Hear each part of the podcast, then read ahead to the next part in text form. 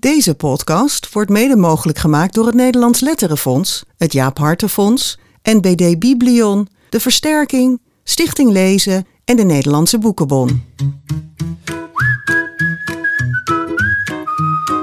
Dit is de grote vriendelijke update met Jaap Frieso en Bas Maliepaard. Een onderdeel van de grote vriendelijke podcast. De eerste maand van 2024 is alweer voorbij en dat betekent tijd voor de eerste update van het nieuwe jaar.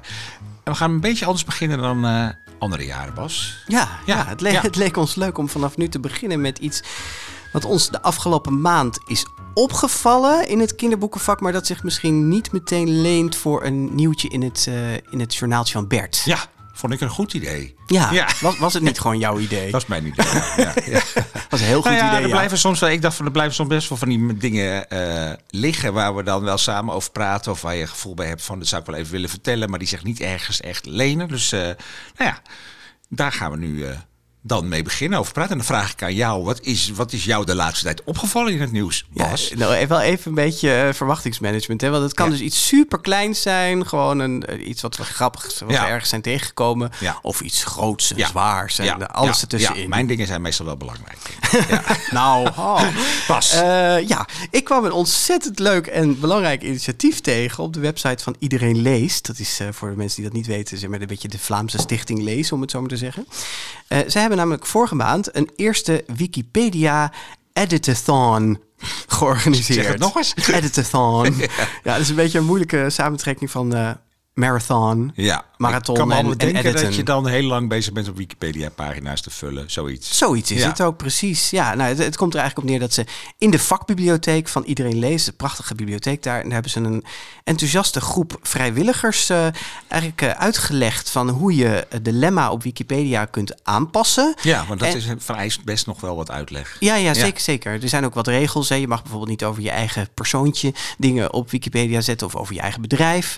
Maar eh, ja, je kunt dus lemma, die bestaande lemma aanpassen of hele nieuwe lemma's schrijven. En waarom heeft iedereen leest dat nou geïnitieerd? Nou, omdat er eigenlijk heel erg weinig Wikipedia-pagina's waren over Vlaamse kinder- en jeugdauteurs. Ja.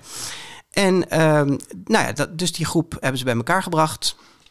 Uitleg gekregen en die hebben daar ook meteen een hele dag lekker zitten schrijven, bronnen gezocht. En weet je, dat moet allemaal op basis van bronnen natuurlijk geschreven worden. Je moet alles kunnen staven wat je, wat je in zo'n lemma zet. En zo zijn er eh, een heel aantal, eh, of zo is er een heel aantal eh, mooie nieuwe lemma Ja? over Vlaamse jeugdauteurs. Ja, ben ik even kwijt. Oh. Maar we- ja, er is een heel, ja. ja. dank je. Ik had het hier even moeten opschrijven. Maar er is een heel mooi artikel op de site van Iedereen Leest. Zullen we even linken in de show notes. En daarin staan een aantal van dat soort eh, lemma die ze dan nu opnieuw hebben toegevoegd. Ja, leuk. Ehm, maar ik dacht, ja, dat, dat is eigenlijk wel een hele goede manier om gewoon me- ook meer aandacht voor jeugdliteratuur in zo'n online encyclopedie te krijgen. Ja. Weet je, die expertise bij elkaar te brengen. ja, want eh, weet je, als je niet op wiki bent, dan besta je eigenlijk niet. nou, inderdaad. toch? Ja. Wij hebben nu sinds een jaar een, Wij een samen hebben een ding. nou, de, ja. de Grote Vriendelijke Podcast heeft sinds precies. een jaar een Wikipedia-pagina. Hebben we trouwens ook te danken aan een Vlaamse luisteraar. ja, dus wij bestaan. Wij bestaan. Ja. Maar die kan dus ook iedereen aanpassen. Hè? Dus als je dit hoort en je denkt, oh, ik weet wel hoe dat moet en ik heb daar zin in, vul vooral aan. Weet Ja. je, dit, is nog een vrij korte tekst, dus er kan nog van alles over de grote vriendelijke honderd. En, nou, er kan allerlei dingen Ja. kunnen daarbij gezet worden. Maar ik dacht eigenlijk, dit zou misschien de Nederlandse Stichting lezen of, of eh, de CPNB of Letterenfonds of zo. Zouden dit ook wel eens kunnen organiseren, zo'n zo'n leuke workshopdag. En dat je gewoon mensen stimuleert om over jeugdliteratuur Ja. te gaan aanvullen in die encyclopedie. Ja. Dan zouden we eigenlijk eens in kaart moeten brengen wie er allemaal wel een heeft. Ja, dat moeten zij dan eigenlijk doen bij die editon. Maar Ja, eh, ja. wie er wel een heeft en wie er niet een heeft. Want er zijn natuurlijk best schrijvers. Ja, ik mag aannemen hebben. dat Paul van Loon een, een Wikipedia-pagina Ja. heeft. Ja. Maar er zijn misschien beginnende auteurs die misschien één of twee boeken hebben die nog niet... Drie eh, boeken zou ik zeggen. Je moet eerst drie boeken Eerst drie hebben boeken? Ja. Of je moet meteen een prijzen begonnen met je eerste Mag boek. ja. ja. Nou, goed. Ik vond het leuk. Ik vind het een leuk nieuwtje, Bas. Ik vind, vind het een beetje een, ge- een gekke naam. Editathon vind ik een beetje geforceerd. Maar eh, eh, het het initiatief is leuk. Leuk? Ja. Oh, oh, nou moet ik... Ja, je, je kijkt me heel vragend aan. Dan moet ik aan jou vragen... Wat heb jij meegenomen? Wat is jou opgevallen, Jaap? Precies. Moet nog een beetje inkomen in Ja, deze nieuwe ja, rubriek. zo werkt ja. dat. Ja. Nou ja, ik, het sluit een beetje aan bij waar we het in de vorige aflevering over hadden gehad. Toen hebben we heel kort wel even over de kinderboekenweek gehad en verteld dat eh, de auteurs bekend waren en het thema. hè. Thema is Aflevering van Aline Saks bedoel jij? Niet de vorige die bedoelde update. ik. Ja. Oh ja. Ja. vorige aflevering. Ja, ik nee, is heel goed, heel ja. goed. Eh, Pieter Koolwijk en eh, Noelle Smit. dat zijn de makers van de kinderboeken. Een week geschenken, zeker een Uitgaven, prentenboek. Ja. ja. En het thema is lekker eigenwijs. We hadden nog niet kunnen zeggen, dat was toen nog niet bekend, dat Erik van Os en Elle van Lieshout de tekst schrijven voor dat prentenboek dat Noelle Smit uh, maakt. En we hadden ook nog niet over het kinderboekweekgedicht uh, nee. gehad. Nee, en uh, nou ja, daar heeft CPMB dit jaar voor verzonnen dat er kind, een wedstrijd wordt uitgeschreven voor kinderen. Dus kinderen tussen de 6 en 12 jaar, die kunnen zelf een gedicht schrijven over lekker eigenwijs. En een jury van drie bekende kinderboekendichters gaat daar dan een, gedicht uit zoeken. En dat wordt dan het kinderboekweek gedicht. Ja. Uh, dus dat is even voor de mensen die denken kinderboekweek. Dat is eigenlijk de opdracht die Pim Lammers vorig, vorig jaar, heeft, gekregen heeft en terug heeft gegeven. Precies, ja. Nou ja, daar gaat dit verhaaltje ook een beetje naartoe. Want uh, ik zag dezelfde dag nog dat uh, dichter en schrijver Ted van Lieshout op zijn Facebookpagina vrij cynisch was over dit initiatief. Hè. Dat, hij schreef dat de CPMB blijkbaar vindt dat kinderen net zo goed kunnen dichten als professionele dichters ik maak dat niet helemaal hieruit op, maar ik snap wel de gevoeligheid erom. En je, kan ook denken, ja, waarom vragen ze nou uh, kinderen? Dus op zich kan je daar best over discussiëren. Maar hij schreef nog iets, en dat moet me wel even iets over uh, van het hart. Uh, hij schrijft letterlijk, ik had graag gehad dat de CPNB vierkanter achter LHBTQU kinderboekenmakers was gaan staan. Maar ik snap wel dat de CPNB dat niet durft. De vraag is, hoe lang zal de CPNB dat niet durven? Nou, hij verwijst natuurlijk naar de hetsen rond uh, Pim, over Pim Lammers vorig jaar. En die afschuwelijk was. En toen hij bekend werd dat hij het gedicht uh, ging schrijven. Maar ja, ik vind dit nogal een, uh, een verwijt. Hè? Dat ja. de CPMB niet achter, volledig achter LBHTQ-schrijvers en makers zou staan. En ja, ik, ik zat me een beetje af te vragen waar hij dat precies het opmaakt. Of ze dan nu per se een, een, iemand met een andere geaardheid hadden moeten vragen voor. Hadden een queer dichter opnieuw ja, moeten vragen als statement of zo? gewoon niet een dichter vragen, dat ze dan uh, uh, gezwicht zijn. Onder zo'n bericht wordt dan meteen ook altijd heel erg veel instemmend gereageerd. En er werden zelfs kwalificaties, uh, laf en laf en dat soort dingen. En ik denk, ja, dit, jij hebt een groot bereik, je bent ook verantwoordelijkheidskinderboek schrijven. Ik vond het nogal een een uitspraak. Hij is een belangrijke stem in het veld. Ja. En ik, wil, ik hoef de CPB niet te verdedigen, maar ik denk wel te weten dat zij uh, ja, veel aan diversiteit doen ook echt wel vierkant achter LBH. Altijd die rottermen achter LHBTI. Onze, onze regenboogmensen staan. En dan vind ik zo'n verwijt gewoon, ja, het, het, het, trof mij echt. Ik dacht ook voor de mensen die daar werken, die ermee te maken hebben, misschien ook van Pim zelf, weet je, vind ik dat niet fijn om dat op die manier uh, te doen. Ja, want, uh, want vorig jaar hebben ze natuurlijk uh, Pim Lammers een mooi podium op dat boekenbal gegeven. Ja, hè, ja, de opening. Ja, nee, daarmee echt daar, af te ronden. Zij zijn daar natuurlijk zelf ook heel erg in betrokken geraakt in die hets. En dat is allemaal best nog een verse wond en pijnlijk. En ik denk, laten we een klein beetje voorzichtig doen ja. hieromtrend. Nou, dat wou ik even Helder. gezegd hebben. Ja. dat kan ook in dit blokje. Zo, ja. Nou, dat is gezegd. Uh, het was een heel luchtig nieuwtje en een wat zwaarder nieuwtje. Ja, ja, ja. Zo, kennen, zo kennen de luisteraars ons. Goed, straks uh, is Bert er gewoon weer met de rest van het uh, kinderboekennieuws. En daarna staan we op een bijzondere manier stil bij de Nationale Voorleesdagen. Ja. Um, ja, en, en bij een prentenboek dat mij ontzettend dierbaar is uit mijn jeugd. Leuk, ik heb er heel veel zin in. Frederik van Leo Lyon. Ja. Maar eerst de boekentips en ik ga maar meteen aftrappen. Over de Nationale Voorleesdagen gesproken. Ja. Want dit is wel echt een heerlijk voorleesboek bij uitstek. Vogel en Beer heet het. Van de Britse uh, schrijver-illustrator Jarvis. Die kennen we al van een aantal prentenboeken in Nederland. Onder andere, dat is geloof ik het recentste boek... De jongen met bloemen in zijn haar. Is bij Lemniskaat verschenen. Dit is bij Godmer verschenen. Uh, dit heet De Picnic en andere verhalen. In, uh, in het Engels zijn er inmiddels al drie boekjes over Vogel en Beer. Ik had eerlijk gezegd in eerste instantie zoiets alweer een dierenduo. Ja, weet je, je kunt echt. Dieren, ja, er zijn er al zoveel: ja. kikker en pad, uh, kuik en vark, vos en haas. Je kunt, nee. je kunt zo gek niet bedenken. Elke combinatie is er in, inmiddels zo'n wel, zo'n beetje. Maar goed, uh, toen ben ik gaan lezen en, uh, en jij ook. En we vonden het allebei echt hele lieve, leuke verhaaltjes. En als we het dan moeten vergelijken met een bestaand dierenduo, dan komt dit toch wel het dichtst bij Arnold Lobel, ja, hè, de kikker en pad verhalen. Um, ja, beer en, en vogel die zijn gewoon ontzettend goede vrienden. En willen he- het heel goed doen voor elkaar. En elkaar uit de wind houden. En, en, en lief zijn voor elkaar. Maar ja, daar, daar moeten ze ook echt wel hun best voor doen. Ja, af maar dan toe. komen eigenlijk steeds kleine misverstandjes. Ja. Ja.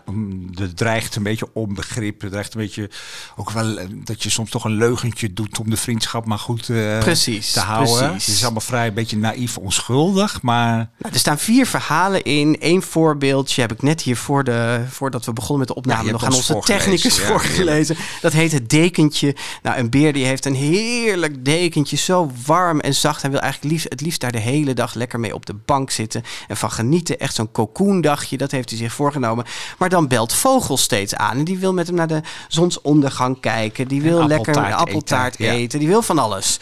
Maar Beer die verzint steeds allerlei smoesjes om daar onderuit te komen. Want die heeft eigenlijk gewoon zin om met dat dekentje op de bank te zitten.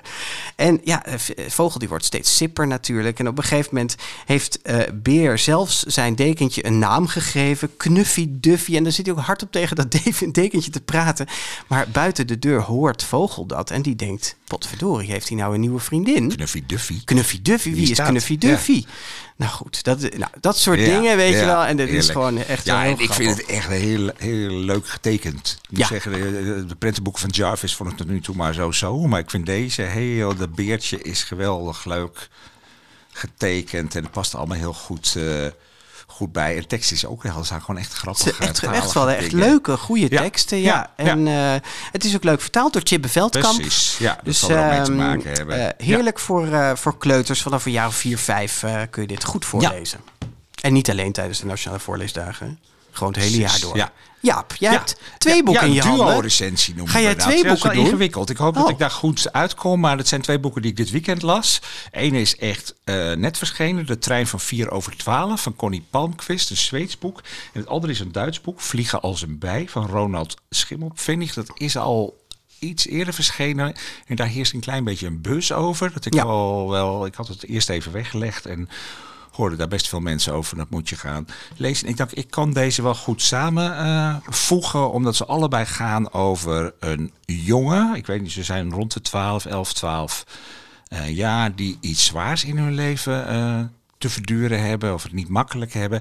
En op een of andere manier vluchten ze niet eens heel bewust allebei in een soort wereld van verbeelding. Ja. Of dat ze er letterlijk in vluchten, weten we ook niet. Het zijn allebei boeken. Het zijn dunne boeken, een beetje novellenachtige boeken.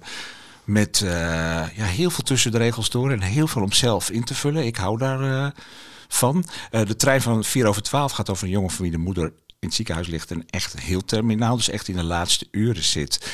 En, Wil je eerst even de ja, eerste regels voor- mooi, Ja, dat dacht zo ik al, mooi. ja. Het is 23 uur 54 en ik zit hier op een bank te leven. Ik zit hier te leven terwijl andere mensen sterven. Misschien wel precies op dit moment. Of nu. Of nu. Nou ja, dat heeft ook een beetje die, die versvormachtige, eh, niet helemaal door, heel consequent door het hele boek. Het andere boek heeft het ook wel een beetje dat veel korte zinnen en staccato. En ja, je moet heel erg bedenken wat er gebeurt. In dit boek ligt zijn moeder, dus hij zit in het ziekenhuis. Zijn moeder ligt op eh, de derde afdeling, ligt ze eh, verdieping drie, zeg maar. Ja. Dus hij zit dan in de hal en dan gaat op een gegeven moment maar weer met de lift. Maar dan ziet hij een vreemd knopje in de lift wat naar een andere verdieping gaat. En dat blijkt naar een soort kelder Een soort kelder ja. te gaan. En dat, dan komt hij terecht in het laatste station. We komen er niet helemaal achter wat dat precies is. Maar dat lijkt een beetje op een gebied waar hij de tijd stil kan zetten. En eh, nou ja, daar raakt hij aan de praat met mensen. Daar gebeuren dingen. Hij kan via dat ook weer terug in de tijd om bepaalde dingen uit zijn leven nog weer even her te beleven. Of net anders te doen. Of een herinnering met zijn moeder eh, op te halen. Dus ja, het is een soort tussentijd, een soort uitstellen van dat, van dat sterven. En ja, het is heel, ja, het gaat over dus eigenlijk niet los kunnen laten. Je hoort ook niet Heftig, hè? Van, Ja. ja. dus het is heel heftig, maar het is toch echt wel heel, ja, bijna literair poëtisch geschreven. Dus Ik dat- vind wel, we hebben natuurlijk vaak in onze podcast hè, dat we de eerste zin vragen voor te Ja. lezen. En ik vind wel bij, bij dit boek, en dat vond ik trouwens bij dat andere boek ook, van die eh, vliegen als, Ja. eh, als een bij, is je niet per se de eerste zin daar geloof ik, maar je zit meteen door hun stijl, zit je meteen, Heel word je erg. erin getrokken. Ja. En dat en zo'n zin van, ik zit hier op een bank te leven, vind ik zo prachtig, Ja. omdat het gaat over de dood. En, en de, de dood is zo dichtbij voor die jongen, dat hij zich zo bewust wordt van het feit dat hij daar zit te leven. Hij zit er zo met te leven, terwijl zijn moeder dood ligt te gaan. Weet je, dus je wordt er meteen gepakt door dat verhaal. Het gaat eigenlijk heel erg over dit zou een jongen van mijn leeftijd eigenlijk niet mee moeten baken. Ja. Weet je, dat Ja. is eigenlijk te, Moeders zouden toestemming moeten vragen aan hun Ja, kind voordat ze doodgaan. Ja, dus ja, dat, eh, ja. Hij krijgt ook hartkippenvel, vond ik ook zo'n mooi woord. Ja. Nou, het andere boek, Vlieg als een bij, dat begint eigenlijk al vrij snel. De jongen ligt in bed en op een gegeven moment krijgt hij vleugels. Ja. En is hij bij. Nou, dat is eigenlijk een, een- op zich kan dat een simpel en flauw gegeven zijn, maar dat is het in dit boek helemaal niet. Iemand zei tegen mij, ik had er een beetje een Kaf, Kafkaesk gevoel Hmm. bij. En in de positieve zin van het woord vind ik dat wel een, eh, een aanbeveling. Het is heel moeilijk om echt iets over dit boek te zeggen, behalve dat het een jongen is die, nee, hij krijgt dus eh, vleugels. Hij lijkt in een soort game ook te zitten. Hij gaat steeds naar een ander. Elk hoofdstuk is een level. hè? Ja, hij gaat steeds naar een ander level. Je, je ziet flarden van zijn leven op school, in de flat met zijn ouders. Je komt erachter dat zijn ouders in ieder geval eh, nou, niet heel veel plezier in het leven hebben. Die drinken, die liggen veel op bed, die eh, zitten heel veel tv te kijken, hebben eigenlijk Ja. geen, geen tijd voor hem. En het lijkt ergens ook een beetje dat hij, ja, dat het leven te, te zwaar voor hem is. Dat op school wordt hij ook een beetje gepest. En, maar dat krijgen we allemaal niet heel letterlijk mee. Nee, maar nee. af en toe ineens piept hij er tussenuit als bij. En dat levert zowel indringende, maar ook wel heel geestig. Want hij is in de klas op een gegeven moment is hij een, een bij. Weet je, Probeert dan probeert iedereen de dood te slaan. ik heb het dood te slaan. Ja, met een schoen. En op een gegeven moment gooit een meisje een schoen door het raam, waardoor die kan ontsnappen Ontsnappen, naar ja, buiten. ja. En dan is die ineens weer ergens anders als bij. Nou ja, het is ook een boek waar je heel erg zelf mee aan, ja, kan bedenken wat je ermee wil staan. Ook best wel aardige illustraties. eh. Ja, ik vond het heel mooi. Van die gearseerde illustraties van Ja. eh, Ja. Stefan Jama Kap. ja. Met een B, Kap. Ja, ja. Eh, ja, een, bijzonder boek ook. Ja, Ja. Ik, ik, had, ik had wel zoiets van, ik moet het denk ik twee keer lezen, dit Ja. boek. Het is wel echt zo'n boek wat je een beetje zo moet, het echt goed tussen de regels door moet Ja. loeren van wat staat er Ja, eigenlijk dat heeft dit boek nog iets meer dan het andere. Zeker, andere heeft ook wel een bepaalde. Nou ja, de 4 over 12, de trein van 4 over 12 is uitgegeven bij Kluitman en ge- eh, vertaald door Lammy Post Oostenbrink. En eh, dit vlieg als een bij is uitgegeven bij Ploegsma en vertaald door Esther Ottens. En ik zou ze staan eigenlijk voor 10 plus, maar ik zou ze eerder als 12 plus, denk ik. eh, of 11 Mm, ja, plus. ja, of, nou ja, wat je goeie- ook maar, eh, lezers. Ja, wat je ook maar, eh, maar wil. Ja, bijzondere boekjes. Wie het boek past, lezen het. Het is een nieuwe eh, uitspraak. ja. Nou, dan gaan we nog even omhoog in leeftijd. Dat is wel Ja. heel duidelijk, hè? Ook weer, ook weer Zweeds. Ja. Johan 1, De Paardenjongens. Een eh, young adult roman. Eh, in twee delen eigenlijk valt het uiteen. Om en om een hoofdstuk vanuit het verre verleden. eh, jaren 30 Tsjechië. eh 20, 30 moet ik zeggen. Ehm, en het andere hoofdstuk speelt in het nu zo ongeveer. 2014 geloof ik. Ehm, in het verleden maken we kennis met eh Sascha en Janek. Twee jongetjes die eh, opgroeien in een katholiek kindertehuis. En daar eh, getraind worden tot voltigeurs. Dat zijn acroba- acrobaten op rijdende paarden. Ja. En... Janek heeft vooral een hele innige band met, met paarden en vooral ook één paard.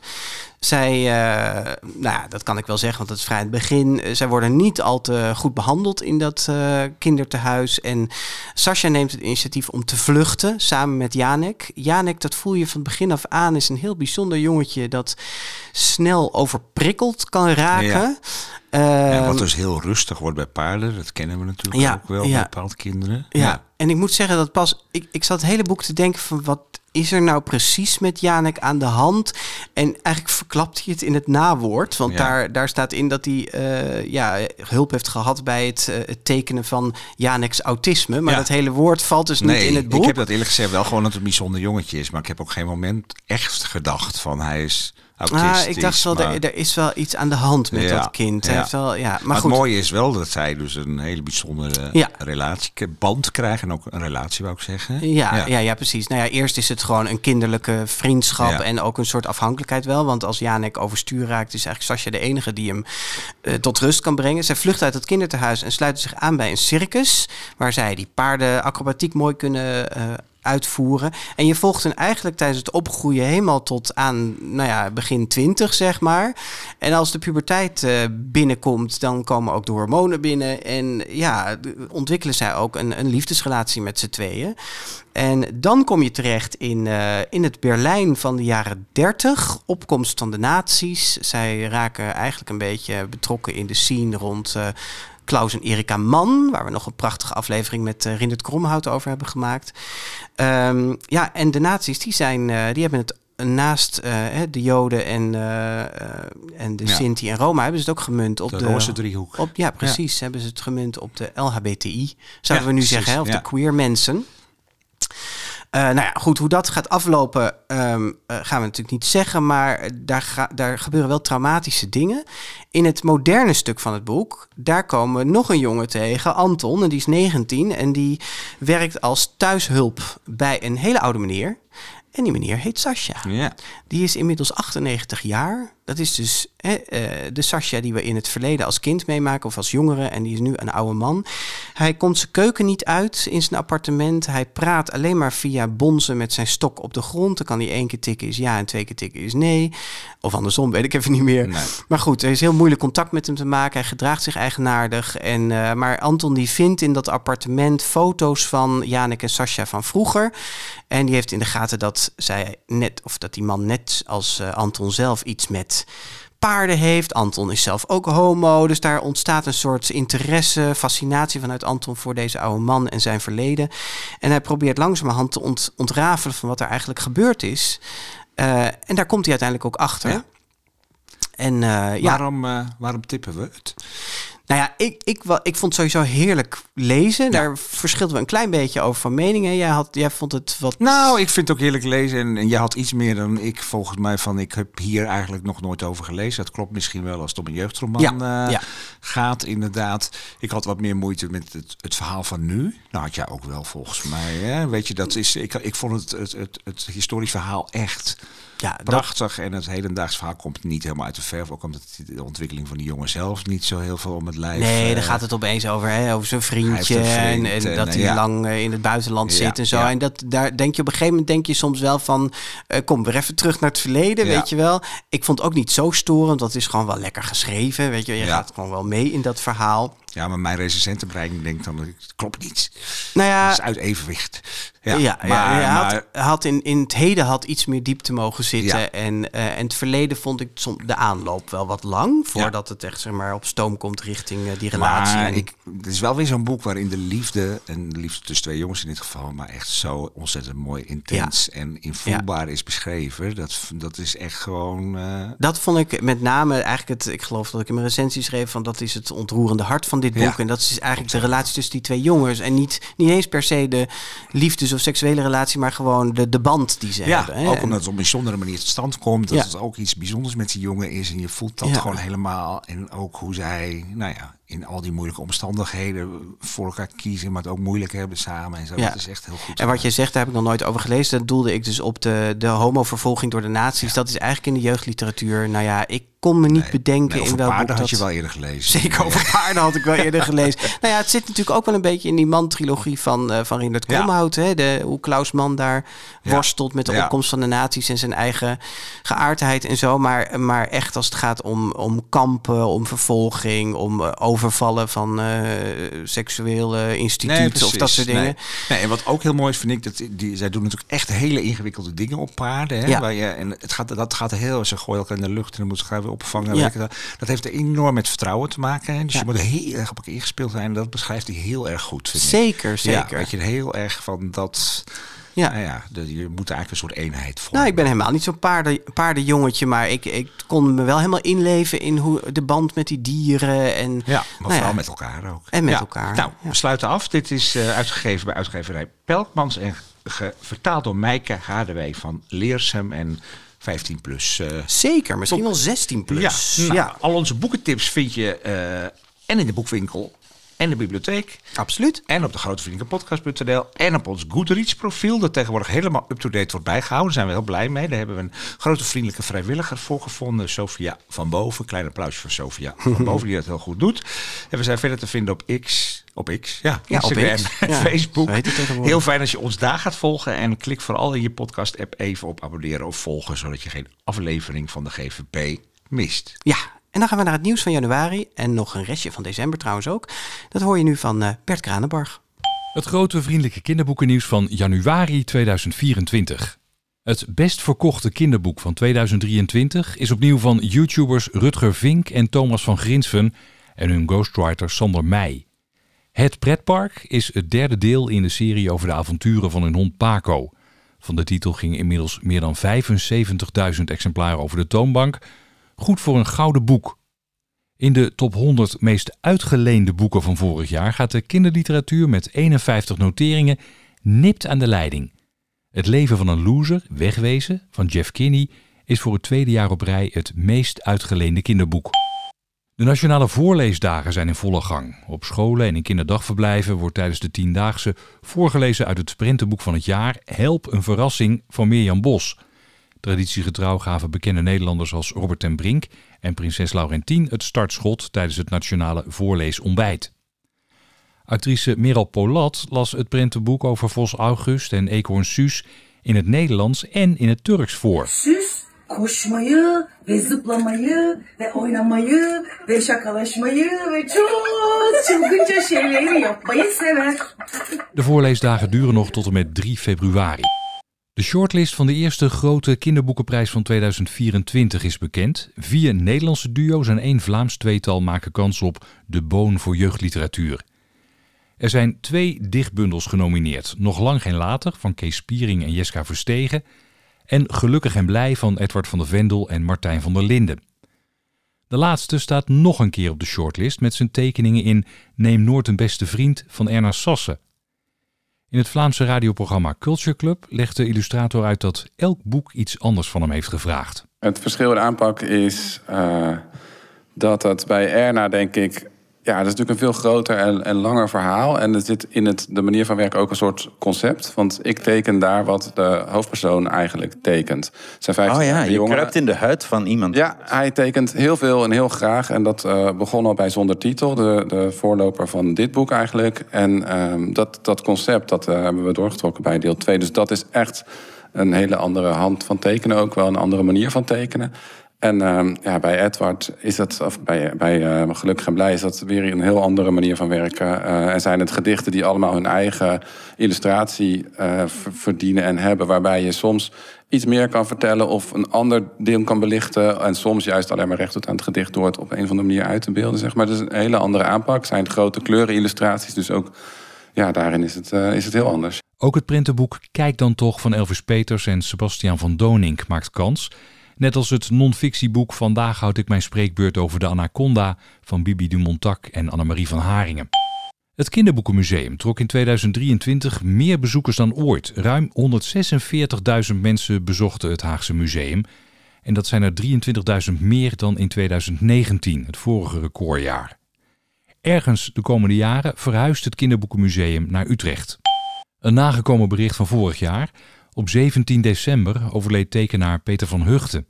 Hij werkte 40 jaar voor de Volkskrant, maar illustreerde ook diverse kinderboeken, zoals de dichtbundel Salto Natale van Hans Hagen, Prinses Roosje van Peter van Gestel en De Volle Villa van Jorien de Bruin. Peter van Hugten is 74 jaar geworden. Ook de Vlaamse schrijfster Maria Heile is gestorven op 17 januari. Ze schreef meer dan 40 kinder- en jeugdboeken, vaak over vriendschap, culturele verschillen of geschiedenis. Haar werk werd graag gelezen door de Vlaamse jeugd. Ze won maar liefst vier keer de prijs van de kinder- en jeugdjury Vlaanderen. Voor De Witte Vogel, De Schat van de Dode Zee, Rimpels in het Water en in 2003 voor het laatst met Voettocht naar de Vrijheid.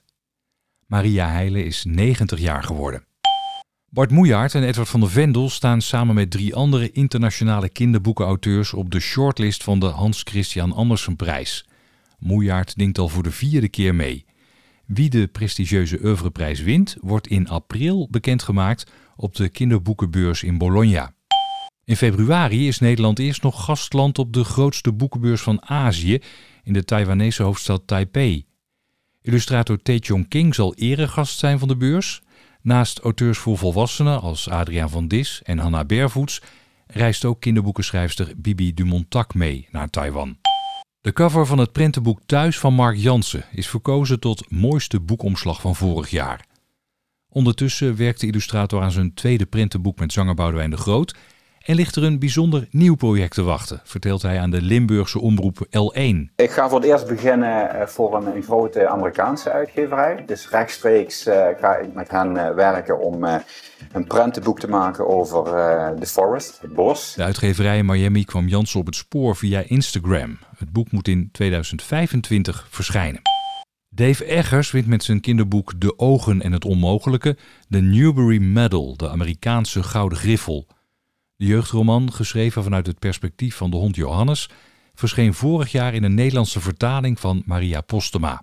Na 21 jaar is Joris van der Leur gestopt als kinderboekenuitgever van De Fontein. Hij was de hoeder van het oeuvre van Roald Dahl en verantwoordelijk voor de introductie van talloze populaire series in Nederland, zoals Het leven van een loser van Jeff Kinney en Dagboek van een muts van Rachel Renee Russell. Van der Leur gaf ook meer literaire boeken uit, zoals de Groene Bloem-trilogie van Floortje Zwichtman en De Zeezien van Koos Meinders. Maar de nadruk van het fonds kwam onder zijn bewind steeds meer op humoristisch werk te liggen. Vertelt hij aan de lokale omroep van Breda. Ik heb altijd gezegd, uh, lachen mag van God. Dus ik hou heel erg van humoristische boeken. maar. ik hou heel erg van humor. Dat is een onderschat fenomeen in, uh, in kinderboeken, denk ik. En uh, daarom ben ik ook bij zo'n Jeff Kinney uitgekomen. En ja. bij Joshua Douglas en zo. Van der Leur legt ook uit wat hem naast de humor nog meer aanspreekt in de loser-reeks van Kinney. Wat je ziet bij de huidige graphic novels, of wat ik dan graphic novels noem, uh, dat is dat. en, en Jeff Kinney met zijn leven van een loser verstaat die kunst als geen ander. Hij, in zijn, ook omdat hij zelf schrijft en zelf tekent. Hij heeft een lopende tekst en daarin zet hij grappen waarin hij in de tekst de grap niet afmaakt. Maar in de tekening geeft hij eigenlijk ja, de kijk, clue weg. Dat vult elkaar aan. Ja. En dat is zo knap. Dat vind ik zo knap. Want dan heb je een, eigenlijk een totale integratie tussen tekst en beeld. Joris van der Leur gaat met vervroegd pensioen en wordt opgevolgd door Arend Hosman, die ook uitgever blijft van uitgeverij Alphabet. Bijna 60 jaar na verschijning is het kinderboek Geen mens is van de ander van Miep Diekman bewerkt tot de vertelvoorstelling Schaduwen van Vrijheid, de dans naar verlossing. Makers Wijnand Stomp, Sherwin Kirinongo en Julian Weinstein voeren het verhaal over de slavernij op Curaçao tot en met 7 maart iedere zondagmiddag op in Hoorn. Bijzonder detail is dat Miep Diekman het boek in 1965 schreef in opdracht van de burgemeester van Utrecht, die het aan alle schoolverlaters cadeau wilde doen. De makers van de voorstelling komen graag in contact met mensen die het boek destijds hebben gekregen. Ja, dus heb je dat boek destijds gekregen, stuur ons dan even een berichtje. Dan sturen wij dat weer door aan uh, de mensen achter de voorstelling. Het is later ook nog heruitgegeven als mens te koop, las Oh ik ja, ergens. precies, maar ja, het gaat ja. dus echt om deze, hè? Geen, mens, is van, de ander. En je woonde dan in Utrecht en kreeg dat van de burgemeester als je van school Als je ging. klaar was met groep 8, Leuk toch? de zesde ja, klas. Ja. Ja. Nog wat andere dingen uit eh, het nieuws? Nou ja, eh, de shortlist van de Boon is altijd Ja. leuk, hè? De eerste grote Ja, kinderboekenprijs. het eh, geeft wel een klein beetje, vaak een beetje een gevoel welke kant het ja, uit. eh, ja, wat valt erop aan de lijst? Nou, maar één Vlaming. dus volgens mij wordt dat een traditie. ja, ja, nou ja, goed, daar wordt eh, veel over gezegd. Maar laten wij dat niet weer allemaal gaan herhalen.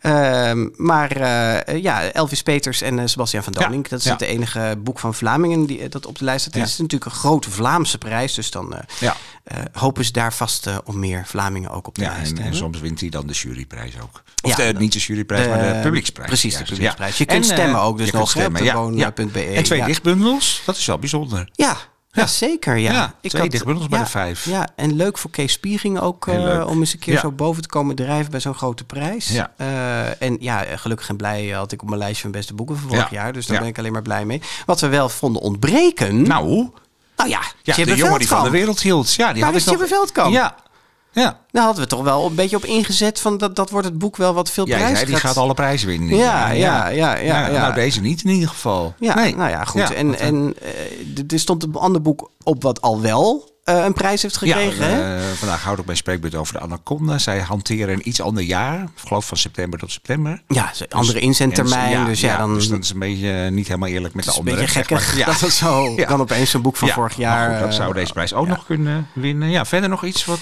Nou, ik, ik had misschien wel verwacht dat uh, Manny Schaf-IJs eh, van Sint ja, er stond al op de longlist, geloof ik, of ook niet? weet ik even niet meer Oké. hoofd, Nee, maar- in ieder geval niet op de shortlist. Nee, nee. Nou ja, goed. We gaan zien wat de Woutertje Pietersen prijs gaat doen. Dat is denk ik de eerstvolgende volgende. Hè? En, uh, en daarna de Griffels. Daar komen de nominaties ik kijk jou heel indringend aan als Griffels-jurylid. heel benieuwd wat jullie allemaal weer gaan doen. Ja. Maar dan nog een andere prijs, de HC Anderenprijs, de Hans Christian Andersenprijs. Uh, een van de twee grote internationale jeugdboeken. Oeuvreprijzen, ja. ja. En er zijn dit keer maar liefst twee. Dat is echt een shortlist van vijf hè, bij de schrijvers. En er staan twee uh, uit het Nederlands taalgebied op. Bart Moejaert en Edward van der Ven. Ja, dat is toch echt wel bijzonder. Ja. ja. Zul je zien dat een van de drie anderen ermee... Uh... nee, nu moet de Nederlander of de Vlaming het ook winnen. Wel, ja, want, want Bart Moejaert is, er, staat al voor de vierde, voor de vierde keer uh, op deze uh, shortlist. Dus dat is Ed, Edward voor de eerste keer. Nou, op zich, weet je, Bart Moejaert heeft natuurlijk de Astrid Lindgren Memorial Award al gewonnen. Hè? Dat is die andere grote prijs, het Zweden. Dit komt uit Denemarken. dus misschien moet Edward van de Vendel hem dan nu maar winnen. Vind je niet? Ja. Ja. ja, ik gun het Bart trouwens ook wel voor Ja hoor, ik heb wel alleen altijd dat ik denk, ik, dat enorme bedrag wat dan de Astrid Lindgren Memorial Award, er zit iets van 60.000 euro of rond die. Nee, veel meer joh. Nog veel, oh, ja, een half miljoen. half miljoen zit half daar miljoen vast. Euro, nee, ja, ja, zit ja. een half miljoen aan vast. Dus dan ben je meteen echt lekker binnen. Ja. En hier krijg je een oorkonde en een medaille. Ja, ja. ja. is toch wel een verschilletje. Maar de, maar de, eeuw, eh, de eer en de eeuwige roem is er niet minder om natuurlijk. Nee, en het is wel een belangrijke prijs. Hij is maar één keer eerder door een Nederlander uh, gewonnen. Tenminste, de schrijvende prijs door Annie M.G. Uh, Smit in uh, 1988. En uh, Max Veldhuis heeft een keer de ja. illustratiekant ja. Gewonnen. En dat was toen ook wel echt groot toen ze dat wonnen. En het wordt ook best wel prestigieus uh, gedaan. Weet je, de koningin uh, ja. Margrethe ja. was daar van Denemarken, was de beschermvrouwen van nee, de dit is prijs. eigenlijk een beetje Denemarken tegen Zweden. Dit is de Deense prijs en de andere Precies. prijs is de Zweedse En prijs. het wordt dan nu voor het eerst een koning die het gaat uitreiken. Ja. De troonswisseling heeft daar plaatsgevonden. Dus, ja, precies. nou ja, goed. Ik Maandag hoop... 8 april uh, wordt de winnaar bekendgemaakt in Bologna. Ja, ja goed. En dan gaan we nu naar onze vriend Frederik. Frederik. We hebben een prentenboek hier op tafel. Ja, want de Nationale Voorleesdagen zijn bezig. Die duren nog tot en met 3 februari. Dus daar willen we toch even bij stilstaan. En wat, we dachten, wat is nou mooier dan onszelf en onze luisteraars te laten voorlezen. Daar hou ik van. Ja, Daar hou ik van. Ja, doen we niet uit het prentenboek van het jaar. Help een verrassing van Mirjam Bos. Want dat doet iedereen al nu. Dus uh, jij wel een heel leuk boek. Maar heel ja, leuk boek. We lezen jij, iedereen al uit had voor. ineens een ander boek waar jij mee kwam. Ja, ja, Ja. Ik, ik las mijn dochter uh, voor uit een van uh, de lievelingsklassiekers uit mijn jeugd. Het prentenboek Frederik dus, van Leo Lionni. En hij is dit jaar 25 jaar geleden overleden. En er is op dit moment ook een hele grote overzicht tentoonstelling van zijn werk in het Norman Rockwell Museum in Stockbridge in de Amerikaanse staat Massachusetts. Ja, gaan we niet heen. Stond een groot stuk over in de New York Times. Dus we kwamen van allerlei dingen over hem tegen. Nou, daar gaat waarschijnlijk geen van onze luisteraars heen. Maar uh, misschien is het wel een goed idee om die tentoonstelling naar Nederland te halen. Het Ja. gewoon lekker in het Rijks. Of, uh, Ja, ik heb even een stukje gekeken ook van de opening en zo. En dat is echt wel groot. het is echt groot, ja, ja. We gaan zo nog veel vertellen over Leon. En dan zul je ook begrijpen waarom er zo'n grote tentoonstelling Ja. is. Want hij was niet alleen kinderboekenmaker. Maar misschien kan het kinderboekenmuseum eh, die tentoonstellingen huren en eh, naar Ja. Nederland halen.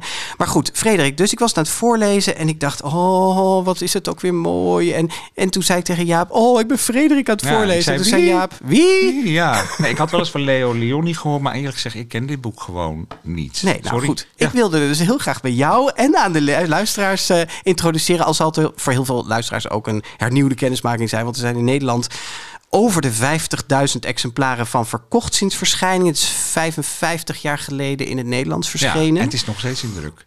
Ja, het is nog steeds in druk, eh, druk vertaald door eh, Harriet uh, Laurie. En uh, nou ja, het, het, ik, voor mij vielen er gewoon heel veel puzzelstukjes op zijn plek. Ik ga het even allemaal vertellen. Want het verhaal past heel erg bij deze tijd van het jaar, de winter. Het gaat over de kracht van de verbeelding en over verhalen vertellen. Wat we nu net tijdens die voorleesdagen natuurlijk heel erg uh, doen. En, en aan het eind gaat het ook nog over poëzie. En het is nu ook nog Poëzieweek. Ja. Nou. En, nou ja, en punt vier dan is dat Leo Leoni wel een heel bijzondere kinderboekenmaker is geweest. En dat verhaal is gewoon ook heel leuk om eens een keer ja, te vertellen. Want, ja, want Vertel daar, ja. daar haakte ik echt op aan. Dus ik dacht, dat weet ik helemaal niet. Want je zou denken Leo Leoni, dat zou een Italiaan kunnen zijn. Of, of misschien toch wel een, een, een Amerikaan of zo. Maar het is dus een Nederlander. Ja. Ja, hij werd in 1910 in Amsterdam geboren en hij kwam als kind veel in het Rijksmuseum, waar hij zich laafde aan de Hollandse meesters. Maar verhuisde naar zijn twaalfde, nou ja, de, de halve wereld uh, over. In uh, Genua haalde hij op zijn 25e zijn doctoraat in de economie. Maar het is heel anders. Dan heel economie. anders, ja. Maar goed, hij was toch heel erg met tekenen en, uh, en schilderen bezig. En uh, begon in de reclame-industrie te werken. En daarvan verhuisde hij eind jaren 30 naar uh, Philadelphia, waar hij Amerikaans staatsburger werd. Dus het is echt een, een Amerikaan geworden. Hij leefde ook nog wel best veel in Italië. Hij had ook nog een huis in Italië. Dus hij woonde, uiteindelijk is hij in New York gaan wonen, in een hele drukke New York. En had een heel rustig, op een hele rustige plek nog een huis in. Toscane. Ja, precies. Prachtige ja, boerderij. leefde een beetje in twee uh, werelden. Maar in Amerika was hij heel succesvol als art director en grafisch vormgever. Voor grote merken als Olivetti en, uh, en Ford en heel veel tijdschriften. En hij werkte samen met uh, nou, hele beroemde kunstenaars als Eddie Warhol. Alexander Calder. Ja, dus uh, hij was ook Het zijn wel namen, hè? Ja, daarom. Het, was echt een, het was echt iemand. We ja, hebben een beetje research naar hem gedaan en ook leuke filmpjes over hem bekeken. Echt een bijzonder, uh, bijzondere man. Hij was met van alles bezig met films en architectuur, maar... Nou, ja, beeldhouwer dus. Ja, en, maar die kinderboeken, wanneer kwamen die? Nou, hij, deed dus echt inderdaad van alles. Filmcriticus ook nog en zo. Het is ongelooflijk als je het allemaal ziet. Maar ja, pas op zijn 49ste maakte hij zijn eerste prentenboek. En dat kwam omdat hij uh, kleinkinderen had op dat moment. En daar nou ja, mee knutselde en dingen, verhalen vertelde en zo. En het eerste prentenboek dat was Blauwtje en Geeltje. Ook een fantastisch boek trouwens. Uh, dat maakte hij dus echt specifiek voor zijn kleinkinderen. Maar dat was wel de start van echt een roemrijke carrière als kinderboekenmaker. Hij schreef en tekende in, uiteindelijk meer dan 40 kinderboeken. Waaronder Zwemmy. Ja, Zwemmy, Zwemmy, Zwemmy. Zwemmy. ja, Een vis is een vis. Alexander de Opwindmuis. Tilly en de Muur. En dat is heel grappig, want er is een Amerikaanse indie band. En die heeft zichzelf vernoemd naar dat boek. Die heette Tilly and the Wall. Dus uh, YouTube dat is. Ik heb de muziek nog niet beluisterd. Maar wie weet is het dat is een leuke soundtrack bij dit boek.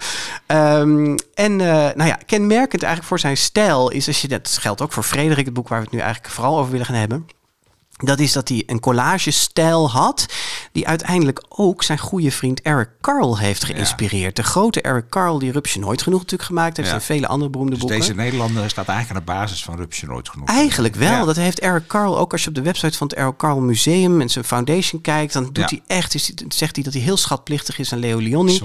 Dat Leo eigenlijk een goede vriend en ook mentor van hem uh, was. We zullen linken naar een aantal dingen, want er staat ook een hele mooie film over Leo Lionni op een van de websites, waarin je ook heel goed, dan gaat hij met kinderen laat hij zien hoe Prachtig Frederik de Muis is echt heel ontroerend. Wat een lieve man. Ja, dan denk je echt, die had ik als opa wel willen hebben. Ja, ja, ja. Nou goed, de verhalen die gaan op verschillende manieren vaak over identiteit en individualiteit.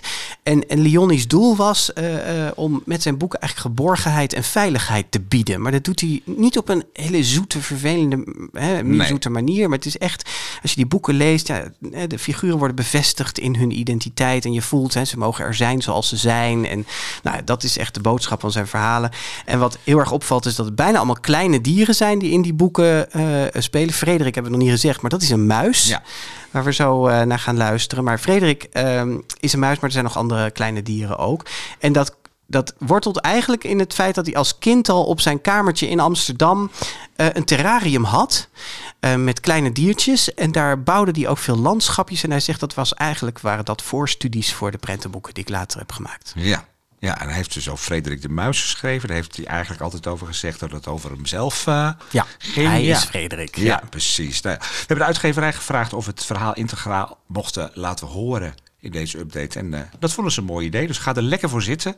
Radiopresentator Margriet Vomans leest je voor uit Frederik van Leo Lironi. Frederik. Rondom de wei waar de koeien graasden en de paarden draafden, stond een muur van oude, oude stenen. En in die muur, vlak bij de schuur met de graanzolder, woonden de vijf kleine veldmuizen. Er woonden geen mensen meer in de boerderij. De schuur lag er verlaten bij en de graanzolder was leeg. De winter stond voor de deur en de kleine muizen begonnen eten te verzamelen. Ze sleepten koren, noten, tarwe en stro naar hun huisje en allemaal werkten ze dag en nacht.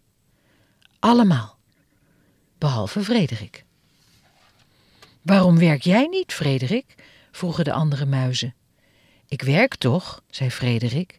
Ik verzamel zonnestralen voor de koude, donkere wintertijd.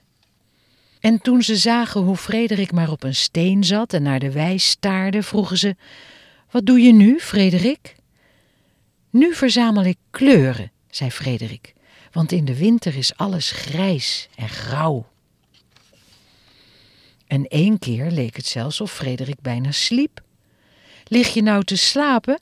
vroegen de andere muizen boos. Nee, zei Frederik, ik verzamel woorden. In de winter zijn de dagen zo lang en misschien weten we dan helemaal niets meer tegen elkaar te zeggen. Toen kwam de winter. De eerste sneeuw viel en de vijf kleine veldmuizen zochten hun huisje op tussen de stenen van de oude muur. In het begin was er eten genoeg en verveelden ze zich niet. Ze vertelden elkaar verhalen over domme vossen en gekke katten en ze waren erg gelukkig samen.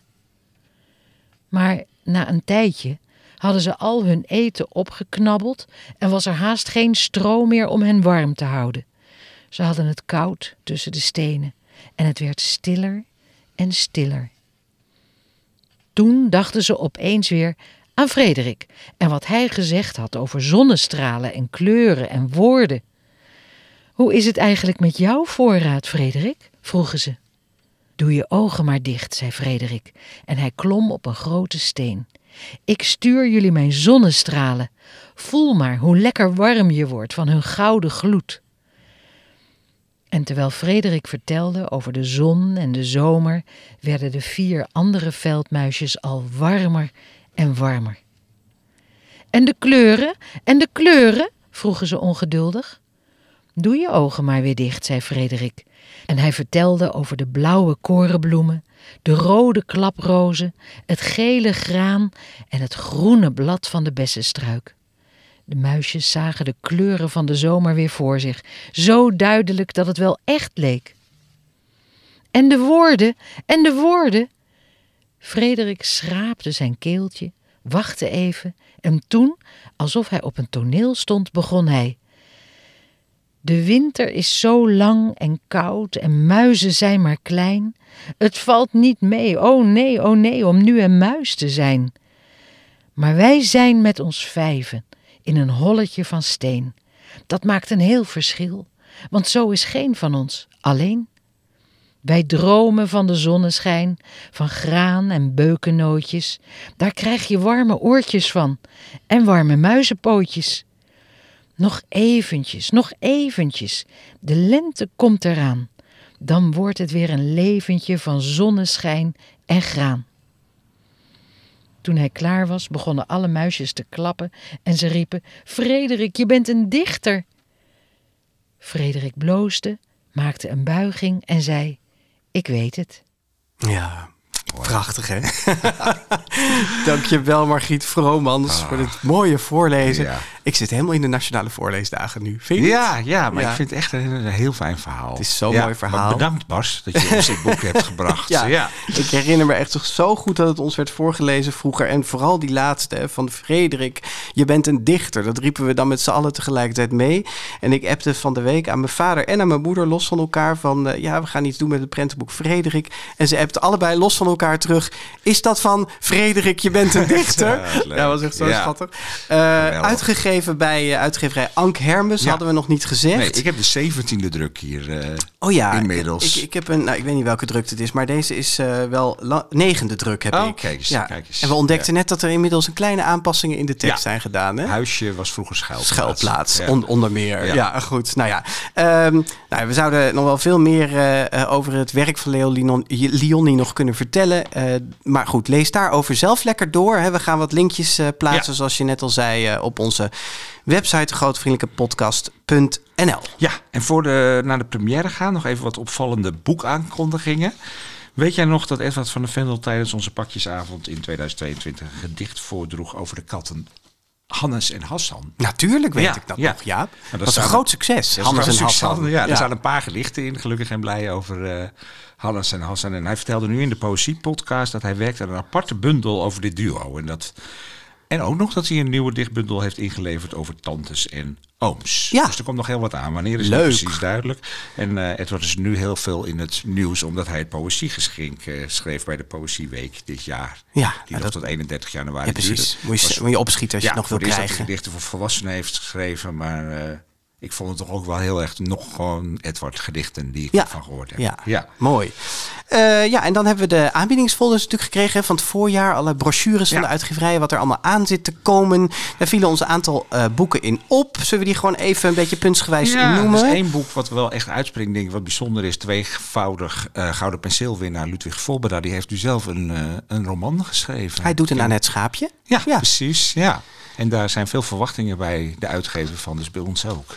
Oever heet het. Ja. We gaan het eh, lezen. Ik heb een vooruitexemplaar eh, in huis inmiddels. Dus Ja. eh, we gaan lezen. En eh, wie weet hoor je er nog over terug in de, in de GVP.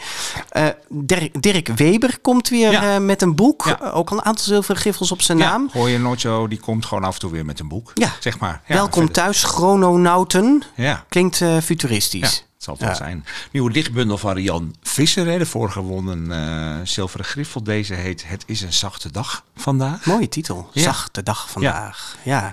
En Sjoerd Kuiper komt weer met een grote nieuwe roman. Eigenlijk was zijn vorige bizar. Hè? Daar hebben wij nog een aflevering over gemaakt. Uit mijn hoofd de negende. Maar... eh. Sorry hoor. Nee, ik, het schiet me opeens te binnen. Maar we gaan het controleren of het klopt. Ergens ro- rond de negende. Maar dit is een grote, ja, een soort klimaatroman lijkt het de wel, Grote? Vloed gaat het heten. Ja. Ik ben wel heel benieuwd weer. Ja. Ja. Ja. Wat er ook heel mooi uitziet in de folder is O Pinocchio. Dus een nieuwe hervertelling van het Pinocchio-boek door Imme Dros. Met En tekeningen? Van Karl Kneut. Dus dat De belooft grote ook Vlaamse veel. tekenaar, Ja. Karel Kneut. Nog een Vlaming. Ja, eh Evelien de Vlieger zagen we nog eh, aangekondigd. Onder de brug. Eh is toch ook een hele interessante schrijfster. En ehm, daar kijken we ook naar uit. Ja. En in april komt het boek uit dat nu bij ons in première gaat. De grote vriendelijke première. Ja, Kevin Hassing die heeft groot succes met zijn inmiddels vierdelige serie over Mus en kapitein Kwaadbaard. Twee keer haalde hij er al de kinderjuryprijs mee binnen. En deel 1 staat al twee jaar in de Grootvriendelijke 100. Nou, in april verschijnt zijn eerste boek voor 7-plussers. Iets jonger dus dan de Mus-boeken. en dat heet De Creeps. De Creeps, maar dan op zijn Nederlands. De Creeps. Eh, van onder naar boven. Het is een eerste deel ook weer, dus dat moet ook weer een serie gaan worden. En eh, ja, naast schrijver is Kevin ook stemacteur. Hij spreekt tekenfilms in en luisterboeken. Dus deze eerste bladzijde die je nu gaat horen, die kan niet anders dan heel professioneel klinken. Mijn naam is Peer en ik ben een kriep. Op dit moment staar ik voor me uit over de nagel van haar grote teen. Daar ben ik nu. Maar daar hoor ik niet. Ik hoor op haar hoofd te zijn. Daar woon ik in een van de duizenden haarzakjes. Samen met mijn ouders, mama Bof en papa Beter. En mijn zusje, Kip. Ik ben gevallen.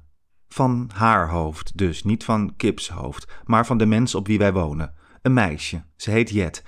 Maar nu terug naar het vallen. Dat is heel gek, want krieps kunnen niet vallen. We blijven staan waar we staan.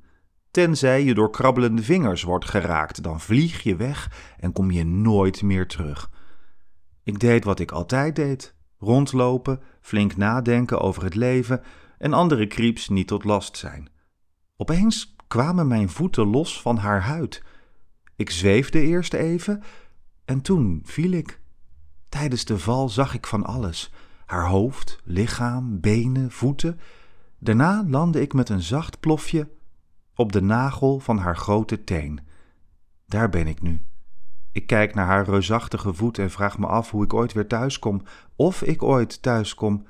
Ik mis mijn familie nu al. Mijn zusje mis ik het meest. Wat best raar is, want Kip is mega irritant. Maar ze is wel mijn enige vriend. Dus ook mijn beste vriend. Nou, klinkt fascinerend. De- Creeps van eh, onder naar boven. Nieuw boek van eh, Kevin Hassing, wat dus in april verschijnt met tekeningen van Emmanuel Wiemans. Eh, bij Luiting Zuidhof komt het uit. En dit was, eh, het zit erop, aflevering 111, 111. 111, Ja, ja. ja. En januari eh, zit er ook bijna up, want het is vandaag de 29ste. We zaten als van ouds in kinderboekwinkel Kiekeboek in Haarlem met technicus Mark Brouwer. Die hebben we gewoon meegenomen het nieuwe jaar. eh, Zeker weten. ja. Je maakt ons erg gelukkig als je onze vriend van de show wilt worden. Graag voor 3 euro per maand of 33 euro per jaar. Meld je aan via vriendvandeshow.nl slash de GV podcast. Ja. En oh ja, nog even een oproepje. De stichting die deze podcast publiceert, die zoekt een nieuwe secretaris. Oh ja, kijk, voor, voor de, kijk voor de vacature op de grootvriendelijke podcast.nl. Klein beetje naar beneden scrollen en daar eh, staat hij. Half februari zijn we er weer met een bijzondere nieuwe aflevering, zeggen we altijd. Maar in dit geval is het is wel Ja. weer extra bijzonder, want we praten pa- eh, voor de tweede keer in ons bestaan pas uitgebreid met een vertaler. Maria Postema komt bij ons langs om te praten over haar vertaling uit het Engels. Ze deed de Hunger Games, Hunger Games, nou, ja, allerlei grote, grote series. Ja. Maar eh, ze komt vooral praten over het werk van mijn grote lieveling eh, Jason Reynolds. Ja, want daar is weer een nieuw boekje van verschenen, Patina. Ja, niet, niet zo'n boekje, Nee, boek. Een, een boek. Nieuw. Ja, maar het is niet wel het boek. Patina. Ja, Patina. Patina. De Ja. opvolger van Ghost. Zin in. Tot dan. Tot dan. Dit was de grote vriendelijke update. Heb je kinderboekennieuws? Mail het naar info@degrotevriendelijkepodcast.nl.